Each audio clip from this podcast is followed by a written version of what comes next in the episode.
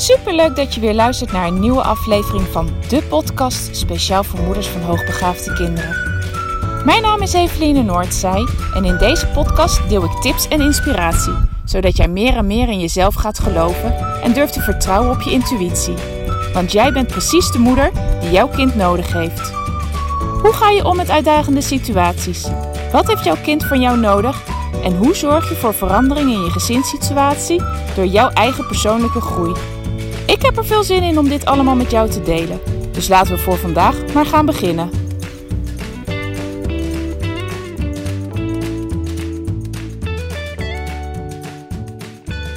Hey lieve luisteraars, leuk dat je er weer bij bent. Hey, vandaag eh, een nieuwe podcast en deze keer heb ik hem als titel gegeven: Dit zou ik doen als ik aan het begin van de zoektocht zou staan met mijn hoogbegaafde kinderen of mijn vermoedelijk hoogbegaafde kinderen. En wat ga ik met je delen in deze podcast? Ik ga namelijk mijn inzichten delen van de afgelopen jaren. inmiddels ehm, zijn mijn kinderen 13, bijna 12, 8 en 5. En nou, was voor ons al vrij vlot duidelijk na de geboorte van de eerste dat zij op alle vlakken een voorsprong liet zien. Nou, dus inmiddels al 13 jaar zit ik in het thema hoogbegaafdheid. in het begin nog niet bewust, maar wel op een onbewust niveau. Maar ja, gaandeweg werd het steeds duidelijker en kreeg het ook de naam. En ehm, ja, in die afgelopen 13 jaar heb ik zo ontzettend veel lessen geleerd. En met, met regelmaat kijk, kijk ik dus ook terug op alle jaren die, zijn, die voorbij zijn gevlogen. En denk ik aan alles ehm, wat er gebeurd is. Ehm, maar ook wat ik anders had kunnen doen. Of anders had willen doen. En ik stel mezelf ook heel erg vaak de vraag van oké, van alles wat er gebeurd is, van alle manieren ja, waarop ik ermee ben omgegaan, wat zou ik nou nog hetzelfde dan zijn blijven doen? En waarin ja, zou ik nu toch echt andere keuzes maken en andere stappen nemen? Nou, en ik ga dit in deze podcast met jou delen, want ik denk dat je namelijk daar zelf ontzettend veel aan kan hebben. Zeker als jij nog heel erg in het begin staat van de zoektocht. Hè, wat, wat, voor tips kan ik je nou meegeven? Welke inzichten die ik de afgelopen jaren heb opgedaan, kan ik jou meegeven, zodat jij makkelijker door, die, door deze jaren heen gaat komen. En uh, nou, ik ga gewoon beginnen. Ik ga het doen aan de hand van zeven punten en ik begin gewoon bij de eerste. Wat ik absoluut weer opnieuw zou doen en waar ik ontzettend blij mee ben geweest, is dat ik direct geluisterd heb naar mijn gevoel.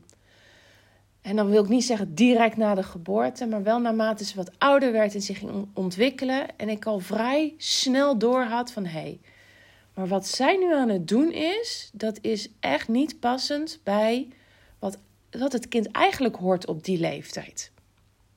dan heb ik natuurlijk wel het voordeel dat ik behoorlijk goed wist en weet wat de normale ontwikkeling van het kind is.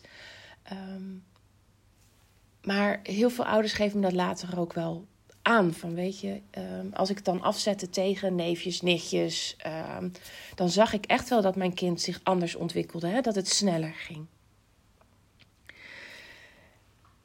Ehm, maar, maar dat zou ik echt. Ik, ik heb op dat moment aangevoeld van oké, zij is verder in haar ontwikkeling, daarin moet ik mee. Ik moet er dingen gaan aanbieden die passen bij haar ontwikkelingsleeftijd. En niet zozeer bij wat er normaal gesproken hoort op haar uh, leeftijd. Dus al vrij vlot hadden wij ook echt speelgoed in huis. En, en puzzels en spelletjes die we met haar deden. Die echt bedoeld waren voor oudere kinderen. Maar vanaf haar jonge leeftijd heb ik ook heel erg aangevoeld dat ze in de ja, van mij als moeder in de opvoeding iets anders nodig had. Ik had natuurlijk jaren in de zorg voor mensen met een beperking gewerkt, maar ook in de kinderopvang had ik gewerkt, um, in de jeugdzorg. En waar ik daar altijd best wel vrij streng en strikt kon zijn, voelde ik nu aan. Ja, maar dit, hiermee kom ik er niet met haar. Ik zal een andere pad moeten gaan bewandelen.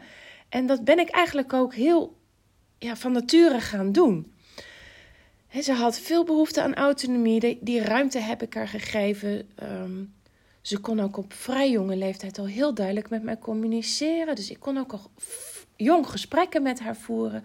Waarin ik met haar het had over hoe ze zich voelde.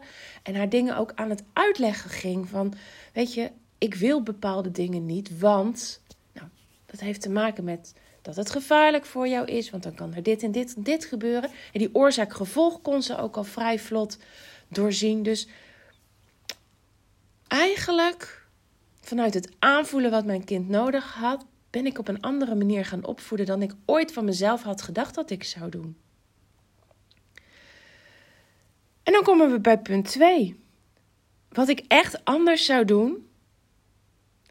Ik, eh, ik zou willen dat ik dat inzicht toen al had gehad, maar dus dan zal ik veel minder twijfelen over mezelf.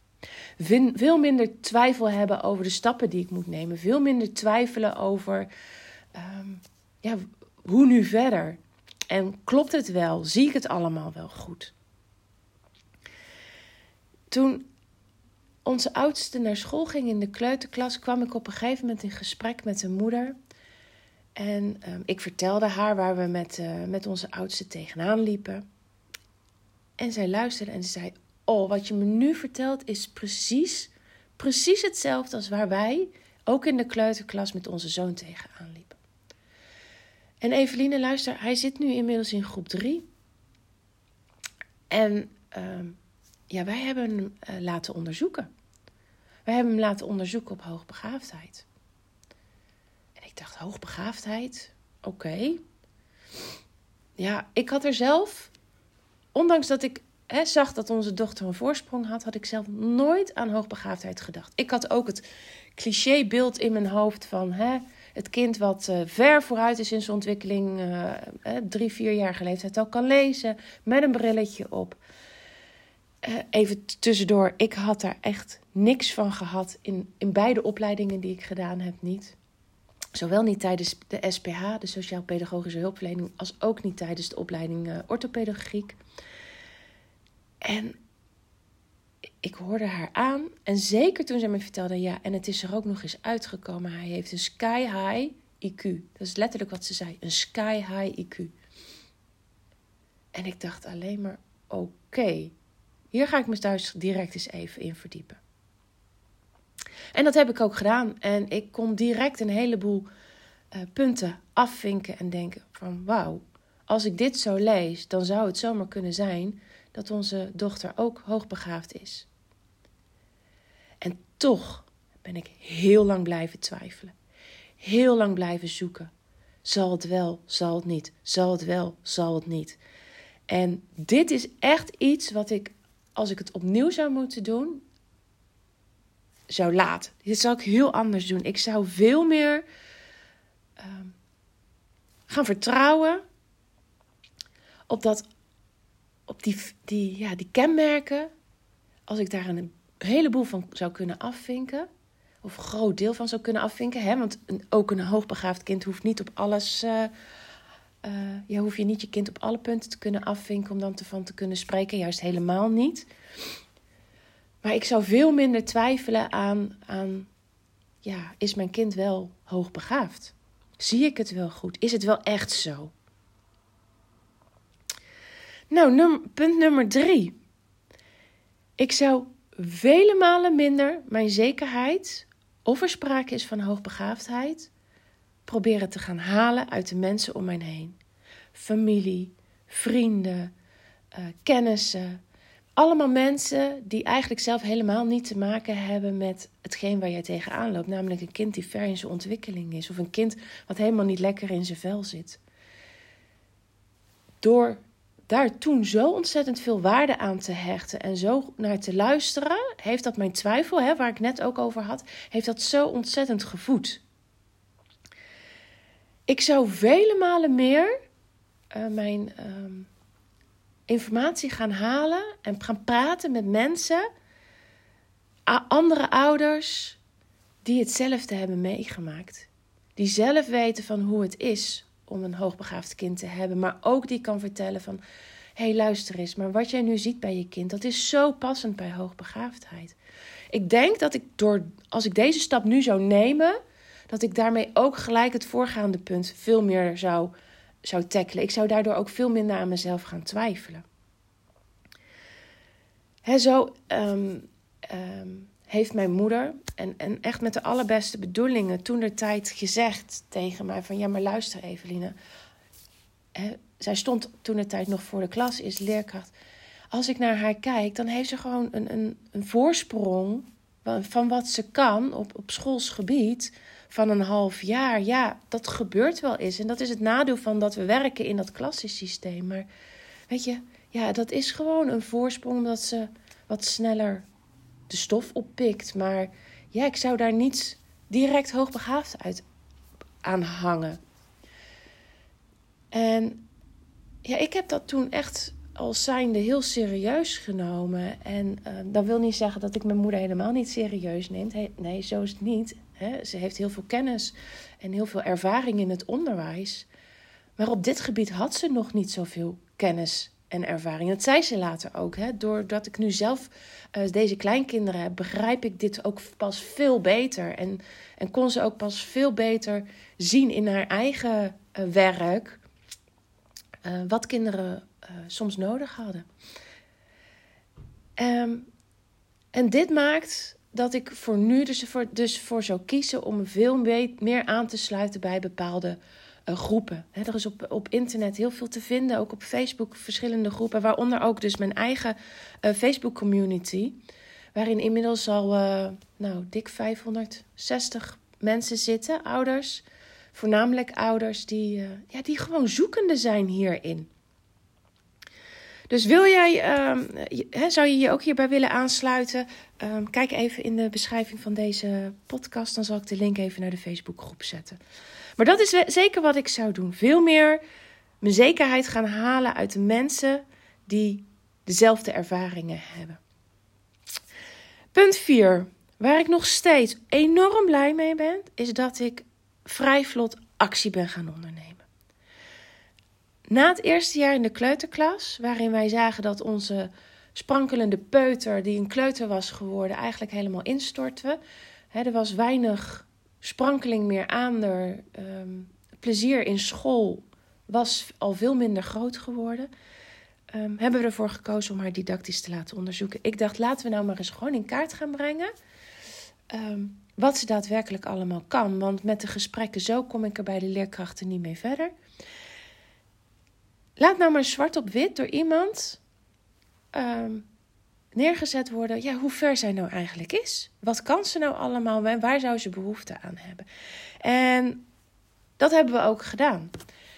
En daarmee zijn we verder gegaan. En op een gegeven moment bleek het allemaal niet voldoende te zijn.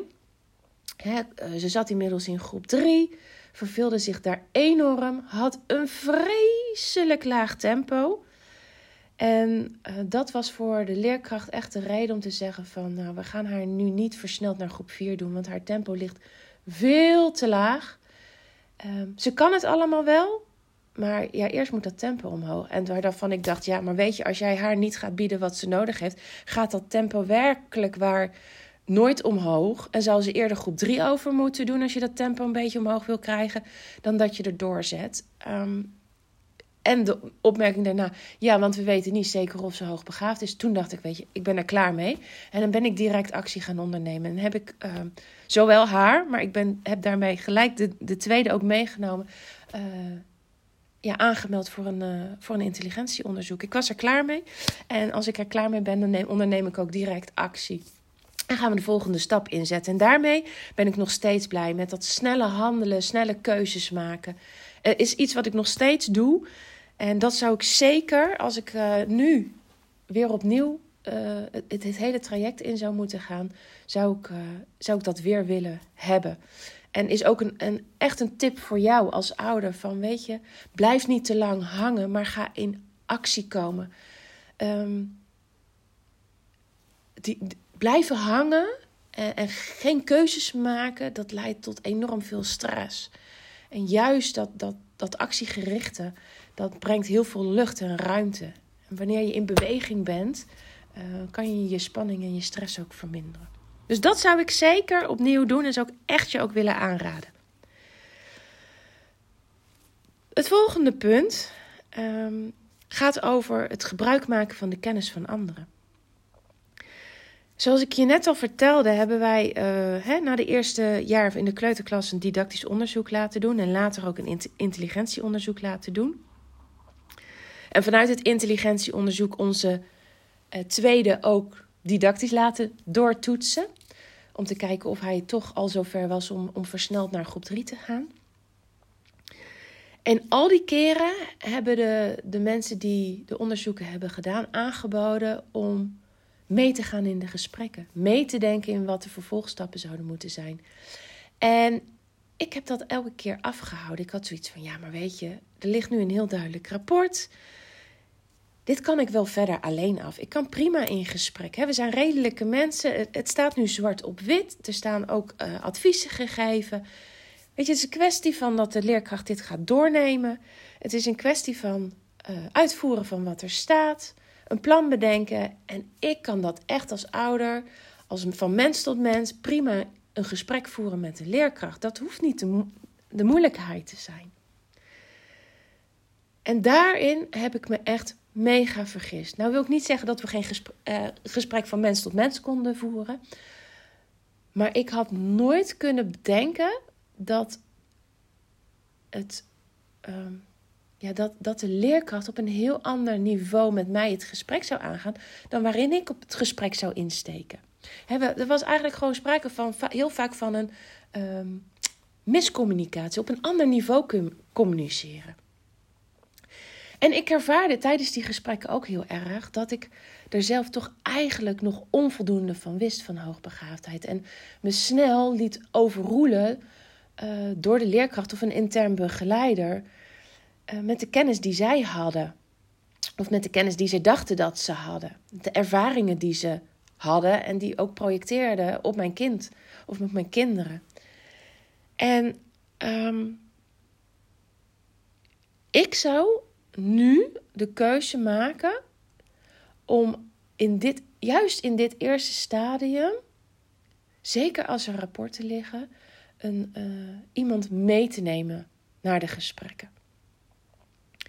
Dat had heel veel strijd, heel veel stress bij mezelf weg kunnen nemen. Want je kan het dan namelijk letterlijk, de, de moeilijke gedeeltes, uit handen geven aan degene die er totaal buiten staat. Um, jij hoeft alleen maar als ouder dan dingen aan te vullen die je vanuit je eigen ervaring ziet. En je hoeft niet die, die strijd te voeren, want die wordt voor je gevoerd. Um, en dit was op een gegeven moment voor mij echt een, een groot frustratiepunt. Want inmiddels was ik in mijn praktijk al andere ouders aan het helpen. Ik zag dat als ik in gesprek ging vanuit mijn rol hè, als pedagoog, als iemand met kennis van hoogbegaafdheid, werd ik vele malen serieuzer genomen dan als ouder. En op een gegeven moment sprak ik daar met een vriendin over. En um, ik, uh, ik, ging, ik deed ook voor haar de gesprekken uh, met de school waar haar kinderen toen de tijd op zaten. En ik zei me, hoe kan dit nou? Voor mijn eigen kinderen krijg ik dingen niet voor elkaar die ik voor jouw kinderen of voor kinderen hè, van andere ouders wel voor elkaar krijgen. Hoe kan dat nou? En toen zei ze, ja maar Eveline, als, als expert, als, als specialist word je veel, vele malen serieus, serieuzer genomen dan als ouder. En dit is ook precies de reden waarom wij jou bij die gesprekken willen hebben. Wij willen niet meer in die rol moeten stappen dat we als ouder eraan moeten trekken. Wij laten dat nu bij jou liggen. En daardoor kunnen we ook de verstandhouding met de leerkrachten vele malen beter houden. En dat was voor mij echt een eye-open. En dat zou ik, als ik opnieuw zou moeten beginnen, zou ik dat echt anders doen. En ja, daar, daar zit echt een, een prijskaartje aan. Hè? Ja, dat klinkt vervelend, maar die tijd van, van een expert, van een specialist, moet wel betaald worden. Maar dat is het echt waard. Want al die strijd die je, die je hebt om te zorgen dat je kind krijgt wat het nodig heeft, als dat weggenomen wordt, die spanning, die stress bij jou, ja, dat is heel erg waardevol. En dat zou ik zelf echt nu anders doen. Nou, dan kom ik direct uh, bij nummer 6 terecht. Vele malen beter luisteren naar mijn intuïtie. Want Hoe vaak heb ik in gesprekken met leerkrachten wel niet gezeten dat ik dacht: ja, maar ergens voel ik dat hetgene wat jij zegt dat het niet klopt. Of het wat jij nu met mijn kind wil, dat gaat niet werken. Maar ik dacht steeds van oké, laat maar, jullie zullen het wel beter weten. Of ja, weet je, ik kan hier nu wel weer strijd over aangaan, maar het heeft geen nut. En wat ik ook gedaan heb, ehm, dan kom ik terug op het punt uh, vier van actie ondernemen. Ehm, wij, hebben, wij hebben er een, aantal keer van gekozen om van school te wisselen. En ik sta nog steeds achter uh, het feit dat er een wisseling nodig was. Maar ik heb echt wel eens een wisseling um, ja, doorgevoerd. Eh, onze kinderen van school laten wisselen. Terwijl ik intuïtief eigenlijk er niet een heel goed gevoel bij had. Ik intuïtief wel wist van oké, maar dit is nog steeds niet voldoende voor onze kinderen. En ook in gesprekken dus. En ik zou nu vele malen beter luisteren naar mijn intuïtie. Want mijn intuïtie heeft me, als ik nu terugkijk, nog nooit in de steek gelaten. En dat is wat mijn man op een gegeven moment ook tegen mij zei. Als ik dan wel eens tegen hem zei van, weet je, ik vind het zo moeilijk, want ergens voel ik wel maar mijn verstand zegt. En dat hij zei: Ja, maar hoe vaak moet jij nu nog gaan ervaren dat jouw intuïtie klopt? Dat je daarnaar mag gaan luisteren. Want jouw intuïtie heeft ons eigenlijk in al die jaren nog nooit in de steek gelaten.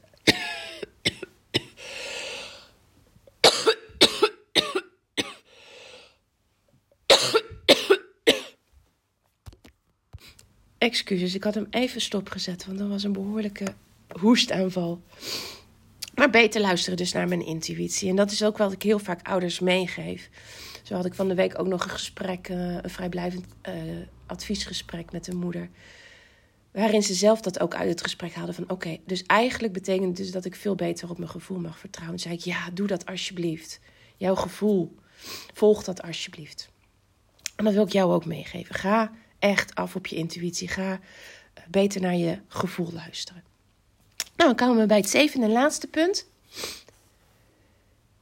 Uh, dat heeft te maken met, uh, met de thuissituatie. Als ik nu opnieuw zou moeten doen, zou ik veel sneller uh, ook iemand betrekken bij, bij de opvoeding van mijn kinderen. Je, het opvoeden van hoogbegaafde kinderen vraagt echt iets anders van je. ik begon daar de podcast ook mee van toen ik ehm, ja, toen ik zelf nog uh, voor, met groepen uh, cliënten werkte, deed ik dat anders. Toen ik ook nog in de kinderopvang werkte, deed ik dat anders dan uiteindelijk met mijn eigen, uh, met mijn eigen kinderen. En dat is echt wat hoogbegaafde kinderen nodig. Die hebben niet die, ja, die hebben niet de behoefte aan een hele strakke, vaste manier van opvoeden. Waarbij je bij andere kinderen misschien best eens een keertje kan zeggen van... hé, hey, tot hier en niet verder. Hebben zij veel meer behoefte aan uitleg, veel meer behoefte aan begrijpen waarom je dingen zegt. Veel meer behoefte aan die autonomie. En hoewel ik dat intuïtief heel goed deed... hebben wij ook onze struggles gehad in de opvoeding. En met name in die periode dat het op school ook veel minder goed met ze ging. En dat ze minder kregen wat ze nodig hadden. En dat is Ehm, ik heb toen de tijd gedacht van oké, al mijn problemen in de, in de opvoeding, die gaan als sneeuw voor de zon verdwijnen als ze op school maar gaan bieden wat mijn kind nodig heeft. En deels is dat echt zo, deels is dat echt waar.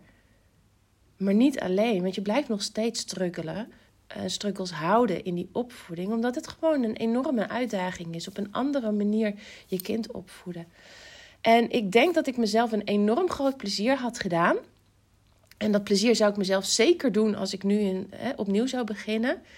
Is dat ik eerder, uh, of tenminste dat ik ouderondersteuning had gevraagd. Best behoorlijk geworsteld met dingen. En waarin ik dan misschien met één of hooguit twee gesprekken met iemand die daar veel verder al in was. Um, en mij handvaten had kunnen geven. Dat ik daar veel sneller uit was gekomen. Dus dat had me veel minder een strijd met mijn kinderen opgeleverd. En de reden dat ik dat niet gedaan had, heb, is dat ik dat altijd heb gezien als een stukje falen. Weet je, ik als, als orthopedagoog, als iemand met twee opleidingen in de, in het omgang met kinderen. Hoe kan het dan zijn dat ik niet zou weten hoe ik met mijn eigen kinderen zou moeten omgaan? Uh, en daar ook een stukje koppig in ben geweest. Ehm, maar daarmee mezelf en ook de kinderen het echt moeilijker heb gemaakt dan nodig is geweest. En dat maakt ook dat ik, het, dat ik een stuk ouderondersteuning um, ook heel belangrijk vind in, in de begeleiding. Sowieso, um, als ouders bij mij komen voor een, voor een uh, hoogbegaafdheidsonderzoek, is dat ook een stukje wat ik wel probeer mee te nemen in het verslag. Weet je, ik kan natuurlijk niet alle struggles waar, waar ouders tegenaan lopen helemaal gedetailleerd uitschrijven in een verslag. Maar ik kan wel vast al een aantal handvaten meegeven. Omdat het, het, de uitdaging niet alleen maar zit in het onderwijs. Het zit ook voor een deel in de opvoedingssituatie. En op het moment dat, dat ouders um, met het verslag, hè, de, delen, de dingen die ik daarin deel, geholpen zijn, is dat heel mooi. Maar daarnaast zeg ik ook altijd van ja, wil je echt specifiek nog op bepaalde vlakken van mij handreikingen krijgen en tips krijgen, laten we dan in ieder geval beginnen met één ouderbegeleidingssessie in te plannen. En dat ik je daarin vast verder kan uh, helpen. En heel vaak is er één gesprek is voldoende en kunnen ouders daarmee verder. En soms plannen we een volgend gesprek in of, of zeggen we van luister eens, um, op het moment dat je weer iets hebt, stuur me even een berichtje of plan even een afspraak in. En laten we samen weer verder gaan kijken. En ik zou dit, als ik zie dat ouders dat nu doen, dan denk ik: wauw, super. Had ik mezelf dat ook maar toegestaan toen der tijd. En niet zo het gevoel gehad als ik, dat ik dan ja, als ouder zou falen. Nou, dit waren mijn zeven punten. Um, ik, ja, ik ga er gewoon van uit dat ik je hiermee ontzettend veel verder heb kunnen helpen. Door dit met jou te delen. Zeg je nou van ja, Eveline, je hebt me echt wel even op een spoor gezet. En ik wil eigenlijk heel vaak graag als ouder verder geholpen worden. Ook in die opvoedingssituatie. Weet dan dat ik dus ook ouderondersteuning aanbied. Ik merk nog wel heel vaak dat mensen me heel goed weten te vinden voor onderzoek. Maar dat ze eigenlijk niet beseffen dat uh, mijn werk veel meer behelst dan alleen de onderzoeken. Maar dat ouderondersteuning, ouderbegeleiding daar ook een, eh, een rol ja, dat inspeelt. Hè? Dat ik dat ook doe. Dus zeg je nu van na het luisteren van deze podcast van ja, weet je, die ouderondersteuning kan ik eigenlijk ook wel heel goed ge gebruiken. Weet dan dat je daarvoor ook bij mij terecht kan komen. Twijfel je nog een beetje? Plan dan eerst even een vrijblijvend adviesgesprek in. Dan ga ik daar met je even over door. Zeg je van ja, nee, ik weet zeker dat ik daar enorm baat bij heb. Plan dan een afspraak in via mijn online agenda. Alle linken die ik uh, van, de, van hetgeen wat ik je nu aanbied, zal ik ook even in de beschrijving van deze podcast zetten. En dan, uh, ja, wie weet, spreken we elkaar dan uh, telefonisch of tijdens, tijdens het ingeplande oudergesprek. Hey, voor vandaag een hele fijne dag. en alvast natuurlijk een fijn weekend. En tot maandag. Doei doei.